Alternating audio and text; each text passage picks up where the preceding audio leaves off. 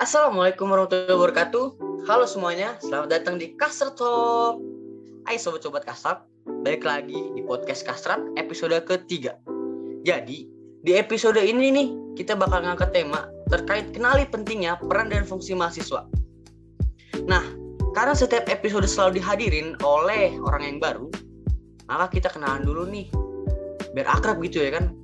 Oke, di sini aku Yardal Fikri dari Teknik Industri 2019 selaku fungsio bidang kastrat yang bakal jadi host kalian nih teman-teman untuk 30 menit ke depan. Nah, kemudian ada narasumber kita yaitu Bang Rido Berlanda dari Teknik Industri 2016. Mungkin Bang Rido bisa saya hello dulu kali ya ke teman-teman Kastratok semuanya. Ya, halo Kastratol episode 3 ya. Iya, Bang. Saya Rido Berlanda, Teknik Industri 2016. Alhamdulillah. Gimana kabar Bang? Sehat, Bang? Alhamdulillah sehat, skripsi lancar, semua aman lah. Alhamdulillah. Oke, eh, sebelum kita benar-benar bahas topik ini, aku ada info nih sedikit buat terkait dengan sumber kita. Uh, nah, sumber kita itu kan Bang Rido. Beliau ini merupakan kepala bidang Japolkasi atau jaringan politik dan advokasi. Itu di LEM FTWI kayak gitu teman-teman. Di periode 2018-2019. Dan Bang Rido juga pernah menjabat sebagai Ketua Komisi 2 DPM FTWI di periode 2019 dan 2020 kayak gitu. Eh kalau gitu ya langsung aja kali emang ya buat pertanyaan pertama. Siap? Boleh boleh. Oke oke. Jadi bang, uh, tadi kita kan ngebahas tema terkait kenali pentingnya peran dan fungsi mahasiswa bang. Mungkin dari peran dan fungsi mahasiswa itu apa sih bang? Ya uh, gini sih kalau kita berbicara tentang peran dan fungsi mahasiswa sebenarnya ada lima ya. Sebenarnya yang saya tahu itu ada enam cuman satunya itu tuh belum belum apa ya kayaknya nggak terlalu ditekankan di dalam lima peran fungsi mas tersebut. Jadi yang diambil hanya lima. Dari peran dan fungsi mahasiswa sendiri uh, ini peran dan fungsi mahasiswa di kehidupan masyarakat. Pertama itu ada agent of change di mana agent of change itu tuh sebagai agen perubahan. Jadi dari sesuai dari nama namanya agen perubahan mahasiswa itu ya eh, bersungguh-sungguh lah dalam menuntut ilmu biar bisa mengaplikasikan apa yang dia dapat selama di perkuliahan maupun di organisasi selama berkuliah itu bisa diaplikasikan secara langsung di lapangan ke kehidupan masyarakat.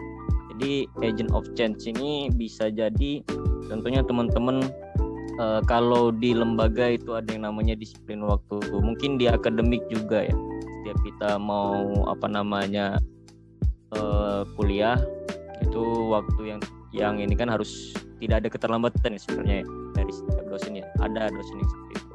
Nah itu tuh kayak melatih melatih kedisiplinan kita dalam menghargai sebuah waktu. Mana juga itu bermanfaat lah untuk masyarakat.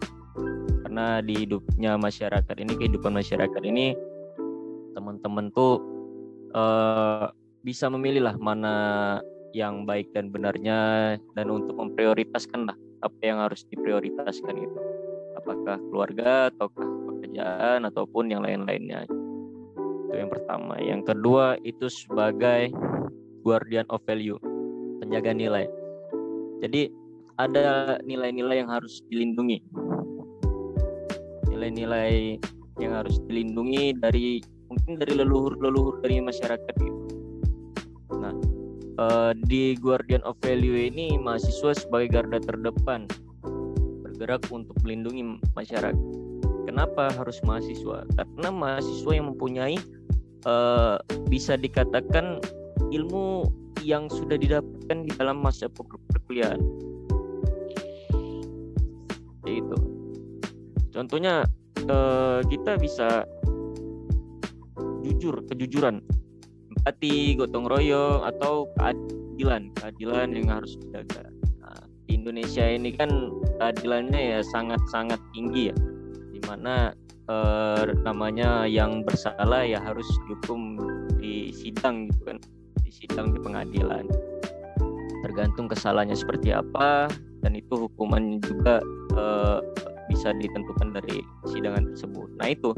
Itu yang harus ditanamkan sebenarnya keadilan-keadilan itu. Cuman dari kita mahasiswa ingat tidak harus uh, menghukum melalui persidangan ya karena itu hanya uh, hukum yang berlaku di Indonesia saja gitu. Kalau kita tuh ya tetap menanamkan nilai-nilai jujur ke orang-orang empati empati itu rasa rasa saling tolong menolong lah. Rasa yang bukan rasa yang pernah ada ya Mas Yarda ya. Kalau rasa yang pernah ada itu tuh beda lagi itu bukan empati. Itu itu apa tuh itu rasa rasa bayar kayaknya. Terus gotong royong gotong royong kan kita juga di selama di perkuliahan tuh diajarkan lah ya. istilahnya kalau kita di mahasiswa di selama perkuliahan gotong royong itu tuh contohnya kepanitiaan teman-teman. Kepanitiaan kalau di organisasi ya itu kita bekerja sebagai tim atau kerjasama sesama tim. Itu yang disebutkan gotong royong. Kemudian kalau kita di perkuliahan itu ada juga yang namanya mungkin kelas-kelas uh, yang berkelompok ya. Yang satu kerja yang lain berkelompok. Kebanyakan oh, sih. kebanyakan ya tapi jangan kayak gitu lah ya sebagai mahasiswa kita harus saling tolong menolong ya. saya saya juga dulu lima tahun kuliah selalu berkelompok sih tapi bekerja bersama. Gitu sih. Itu kalau untuk yang kedua guardian of value kemudian sebagai iron stock bukan iron man nih. Iron stock uh, dari iron stocknya ini mahasiswa itu diharapkan jadi sosok yang kepribadiannya baik berakhlakul mulia berakhlak mulia ya. Akhlakul ya akhlakul apa gitu lupa saya bahasa ininya. Terus ya harapan dari mungkin dari orang tua dari uh, bangsa ini mas peran fungsi mahasiswa yang ini Iron Stock ini sebagai penerus bangsa lah artinya kayak gini regenerasi dari ini dari orang-orang dari orang tua kita mungkin dari DPR ataupun dari bangsa-bangsa yang sedang di dalam pemerintahan itu mengharapkan lebih dari diri kita sebagai penerus bangsa agar bangsa ini semakin maju, semakin berkembang, bukan semakin turun gitu. Dengan apa harapannya ini? Ya dengan menanamkan nilai-nilai yang nilai-nilai dari kepribadian yang baik, alak yang mulia gitu. Serta kualitas-kualitasnya itu tuh kalau misalnya kita berbicara tentang kualitas ya kualitas yang walaupun ya walaupun ya IPK tidak bisa menjadikan patokan kita lah untuk menjadi baik ataupun segala macam Nah, kualitas yang dimaksudkan ini adalah uh, mungkin bisa dikatakan menjaga apa ya, toleransi sama agama itu bisa juga dikatakan baik. Ini alak mulia itu. Pribadian baik mungkin sopan santun lah kalau teman-teman tahu kan. Setahu saya sih teman-teman harus tahu itu pribadian baik itu sopan santun harus jaga. Toleransi berbeda apa namanya bahasa mungkin berbeda agama ataupun berbeda suku itu kan. Nggak boleh harus nggak boleh menjatuh yang beda suku karena kita ini kan sama-sama manusia diciptakannya sama-sama dari tanah dan satu yang diciptakan gitu. Cuman beda-beda kepercayaan saja gitu kan. Itulah yang diharapkan dari Iron Stock ini. Hey. kemudian ada lagi tuh Mas Bace. Uh, yang keberapa ini sudah ya? Yang keempat kalau nggak salah. Keempat berarti sekarang betul. Uh, moral force. Ini moral force yaitu sama saja dengan penjaga moral.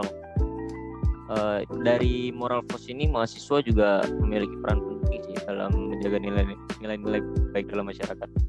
Sebagai seorang mahasiswa ya juga harusnya kita tahu acuan dasar dalam berperilaku gitu. Terlebih era eranya sekarang kan mungkin era udah elektronik banget ya.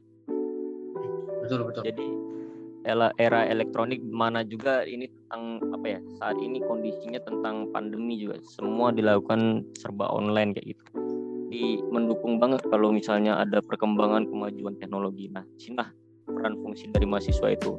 Menjaga nilai-nilai tersebut. Bijak dalam untuk berkomentar di media sosial. Bijak dalam untuk mengambil uh, kesimpulan apa yang di katakan dari media. Karena media sosial ini karena kita sekarang tergantung dengan media sosial itu bergantung ya sorry uh, itu tuh tidak ada yang benar dan tidak ada yang salah. Ada yang menjatuhkan ada yang meninggikan. Ada juga yang harus menjaga gitu kan. Nah di sinilah kita peran kita sebagai mahasiswa. Jadi jangan mengambil apa ya keputusan seolah-olah apa yang dikatakan media itu benar. Padahal media ini kadang-kadang menjatuhkan kadang-kadang membenarkan gitu. Tidak sesuai dengan faktanya coba mencari fakta juga ya walaupun kita mencari faktanya dari internet dari apa gitu kan. Bisa cari dari faktanya dengan cara uh, informasi informasi yang didapat dari orang ke orang dari mulut ke mulut dari kuping ke kuping kayak gitu. Lalu kita menyimpulkan dari jadi jadi mahasiswa ini itu uh, untuk peran fungsi mahasiswa sih. Oke okay, oke. Okay. terus ada yang kelima ya?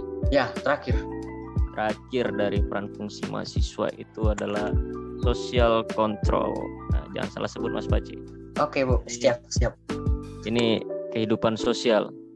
Dari peran fungsi uh, mahasiswa yang terakhir ini itu adalah jembatan antara masyarakat dan pemerintah. Kenapa harus mahasiswa? Ya balik lagi kita. Kenapa harus mahasiswa? Karena mahasiswa yang mempunyai intelektual yang tinggi dan dia yang dapat menyaring mana yang baik dan yang benar. Uh, contohnya kemarin seperti omnibus law.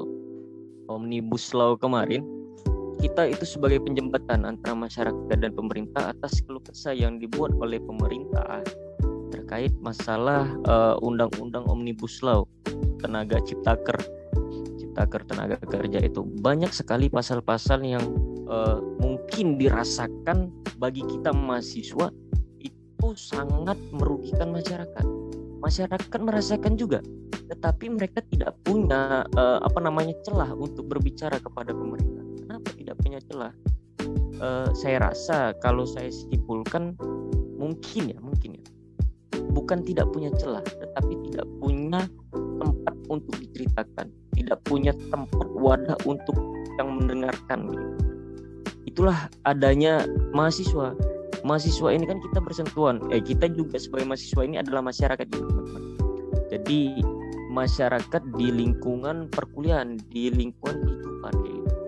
jadi saya rasa ya yang bisa mendengarkan masyarakat adalah kita sebagai masyarakat juga. Cuma bedanya mereka masyarakat secara umum kita masyarakat di lingkungan universitas kita gitu. Jadi diharapin dari teman-teman mahasiswa mempunyai kebijakan pemimpin terus bisa mendapatkan eh sorry bisa memberikan kritik saran dan solusi dan juga yang membantu lah membantu dari masyarakat. Itu sih kalau dari lima peran fungsi mahasiswa. Ya mungkin ada yang keenam ya. Mungkin dikatakan ini tidak apa ya tidak masuk dalam lima peran dan fungsi mahasiswa karena ini bersifatnya umum yaitu memang sudah menjadi tujuan mungkin yang dikatakan tujuan adalah sudah menjadi targetnya dari mahasiswa sendiri sudah menjadi uh, arah setelah menjadi mahasiswa yaitu problem solver. Problem solver adalah itu pemecah dari suatu permas permasalahan yang yang berlandaskan yang berlandaskan adalah data mungkin bisa dikatakan data tidak berbicara dengan omong kosong atau menyebarkan hoax itu uh, melatih suatu mental mahasiswa dari di bawah tekanan untuk mempersiapkan dirinya di perusahaan ataupun menjadi kembali lagi ke masyarakat. Itu yang dikatakan problem solver. Uh, di mana problem solver ini tidak di, dimasukkan ke dalam lima peran fungsi mahasiswa karena problem solver ini sudah dianggap menjadi umumnya umumnya mahasiswa. Setelah kita menjadi mahasiswa akan menjadi problem solver. Selama kita menjadi mahasiswa pun itu kita menjadi problem solver dan mencakupi mahasiswa tadi. Itu sih Mas Pace. Mas Pace ya saya manggilnya ya? Mas Pace boleh Mas Al lebih baik sih Mas. Mas Yarda boleh kalau kalau Al kayak angkatan laut sih. Oke, okay, Mas. Berarti tadi yang sudah disebutin uh, kurang lebih ya udah mencakup dari korelasinya ke masyarakat itu apa dan bentuk implementasinya itu apa seperti itu Mas.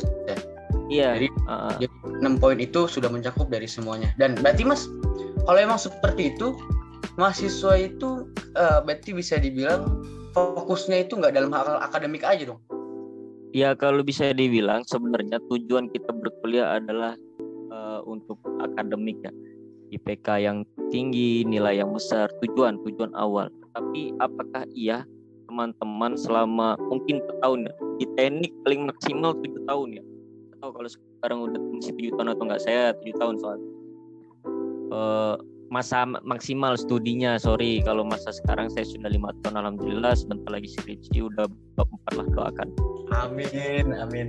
Semoga cepat. lah insya Allah ya kan. Siap amin amin. Nah, kalau untuk dari awal orang tua pun membiayai kita untuk kuliah ya untuk hal itu. Cuman kembali lagi uh, kita ini sudah menjadi mahasiswa maha yang artian itu tuh teramat atau sangat besar. Sedangkan siswa artian adalah uh, studi ataupun pelajar. Kita bisa berpikir kritis di bawah tekanan mengasah pola pikir dan uh, apa pun tentang kayak melatih melatih ke kepemimpinan jiwa kepemimpinan kedisiplinan segala macam. Nah itulah peran fungsinya dari eh peran fungsi tujuan dari mahasiswa jadi ya benar sih memang tujuannya awalnya adalah apa namanya akademik oke okay, oke okay. cuman selama tujuh tahun menjadi mahasiswa mungkin nanti ya kalau misalnya dia memaksimalkan tujuh tahun waktunya tujuh tahun atau bisa lebih cepat saya rasa apa sih yang bisa didapatkan? Apa sih yang maksudnya yang ya oke dapat dari akademik pinter segala macam. Cuman apakah masyarakat bisa dengan bahasa akademik kita itu dari penelitian contohnya penelitian saya waktu saya berinteraksi dengan masyarakat menggunakan bahasa-bahasa yang saya katakan ya tidak terlalu tinggi. Pun tidak bisa dimengerti sekali itu loh dengan masyarakat ya. Masyarakat cuma bisa ngerti bahasa-bahasa yang standarnya lah apa yang digunakan sehari-hari gitu. Kayak gitu sih. Di kita tuh lebih dari dari apa namanya siswa-siswa SMK yang sedang mencari SMA, sedang mencari jati dirinya, gitu loh. Kalau dari saya kayak gitu maksudnya. Ah, oke okay, oke okay, oke, okay. betul emang. Ya sebenarnya tujuan awal dari kita untuk kuliah pun emang ditujukan untuk kita mengejar ilmu ya mas ya. Iya. Cuman kan balik lagi ilmu itu apakah cuma didapat dari akademik sedangkan ilmu itu banyak sekali kita oh iya ini mas uh, ada pertanyaan lagi sih mas. Kan selama kita kuliah nih sempet lah hmm. yang terdengar yang namanya organisasi maupun kelemba kelembagaan ya mas ya? Ya nah di dalam dua poin tersebut apakah ada peranan khusus untuk si peran dan fungsi mahasiswa ini?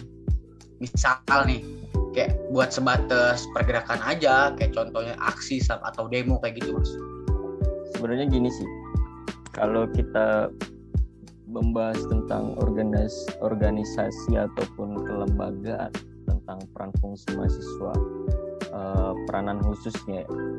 Uh, nggak ada sih teman-teman kalau peranan khusus sama saja. Karena kan organisasi maupun dari akademik itu kan uh, apa namanya setara gitu kan. Satu satu garis struktur lah bisa dikatakan jadi kalau untuk khususnya tidak ada. Cuman bedanya mungkin di organisasi ini benar-benar bersentuhan ya bersentuhan dengan masyarakat luas kayak gitu.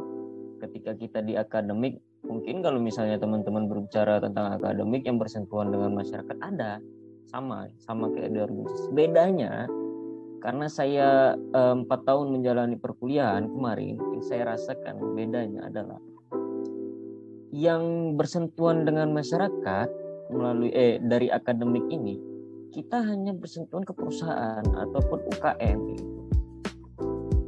Jadi tidak secara umum luasnya. Tapi kalau kita misalnya di lembaga untuk penerapan lima peran fungsi ini sangat, sangat terasa gitu.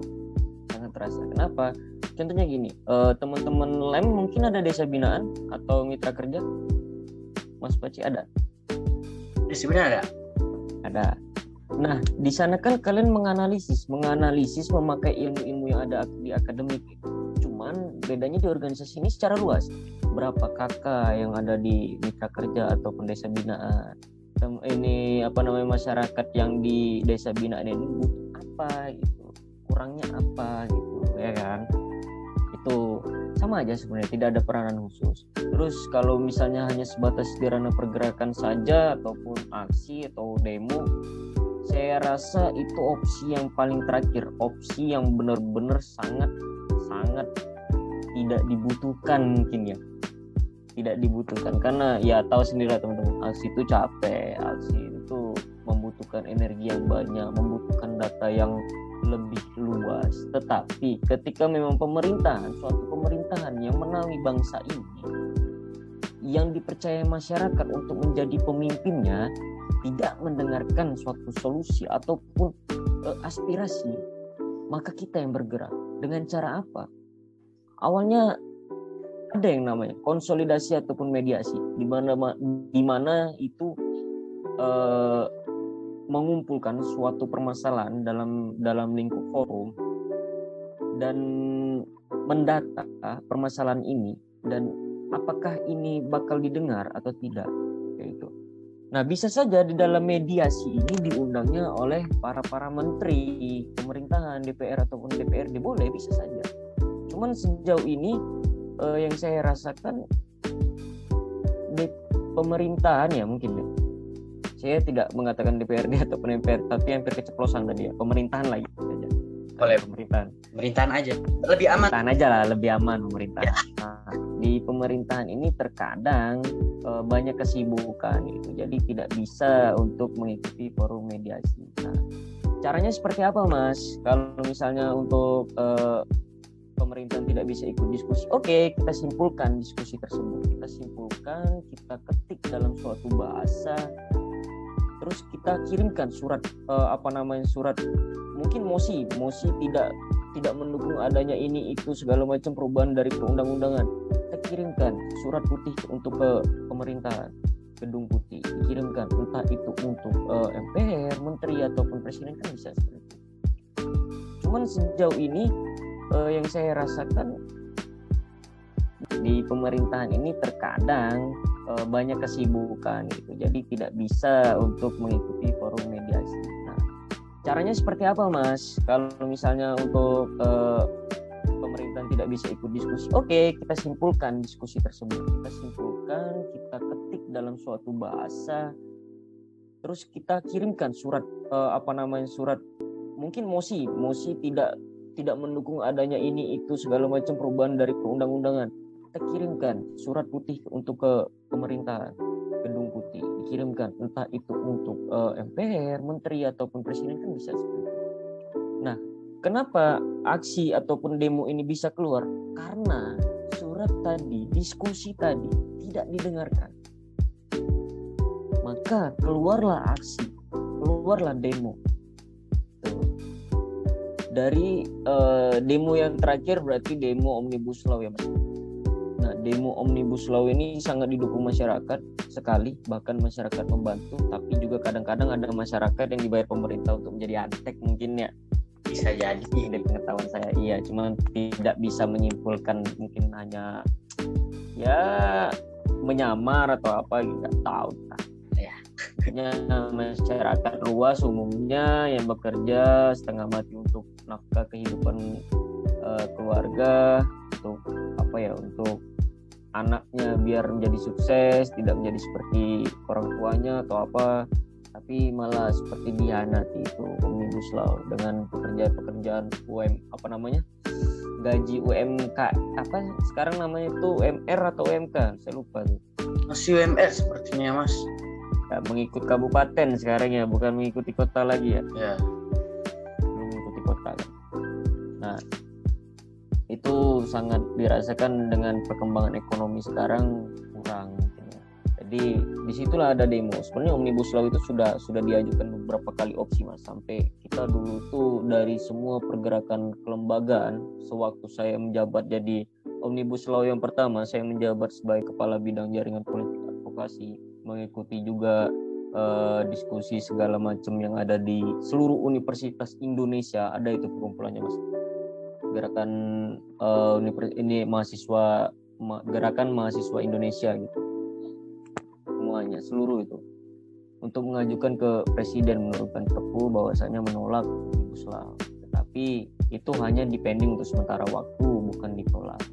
Di Omnibus Law yang kedua, saya menjadi ketua Komisi 2 yang kebetulan eh, naskah tata laksana saya ataupun job desk saya itu sebagai eksternal katakan eksternal adalah uh, mencari isu ataupun mendapati isu tentang masyarakat maupun bangsa itu maupun uh, secara luasnya itu. Cuman ada juga yang internal, internal itu dalam lingkup universitas ataupun fakultas gitu.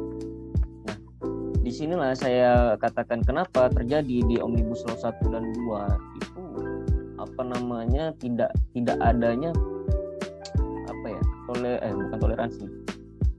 Tidak adanya tindakan tindakan dari uh, pemerintahan untuk mendengarkan apa yang kita serukan gitu. jadi kalau misalnya untuk khusus segala macam ini nggak ada sih mas. Nah itulah saya rasa dari dari pergerakan itulah terlihatnya lima peran fungsi mahasiswa. Cuman tidak diwajibkan ada gitu. Karena kita balik lagi resikonya kan besar. Dan kenapa sering terjadi demo itu adalah ricu ya dengan aparat-aparat. Nah sebenarnya uh, tidak bakal terjadi ricu ketika tidak ada yang saling pancing memancing itu entah ya. dari masyarakat eh entah dari mahasiswa entah dari aparatnya tapi hmm. yang terakhir kemarin kan bukan mahasiswa saja yang bergerak mas ya ada adik-adik kita sekolah ini apa namanya teknik mesin itu kan STM lah itu SMK SMA itu yang ya mungkin apa ya di bisa dikatakan mereka lah yang memancing gitu. Padahal kita nggak tahu juga siapa yang memancing kan ya.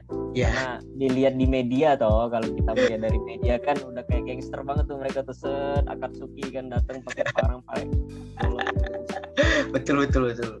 Tahu. Jadi uh, seperti itu ya Mas ya. Begitu juga kayaknya buat teman-teman nih. Jadi mahasiswa tuh nggak nggak melulu terkait masalah demo, masalah aksi, ya kan Mas ya?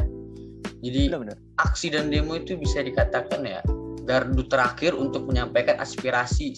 Misalnya beberapa uh, kegiatan yang kita lakuin ke pemerintahan tidak didengar, baru kita melakukan pergerakan seperti aksi atau demo kayak gitu, teman-teman. Jadi jangan salah nangkep lah buat apalagi teman-teman yang berpikir ah gue kuliah pengen pengen demonya aja loh salah kalau punya pemikiran kayak gitu malahan uh, mesti punya pemikiran yang lebih jauh ke depan.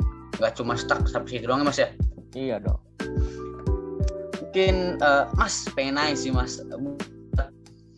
Kan ada yang bilang kalau mahasiswa nih bisa dikatakan lidahnya masyarakat. Oke. Okay. itu dengan kata atau julukan seperti itu setuju nggak? Setuju sih. Kenapa saya katakan setuju?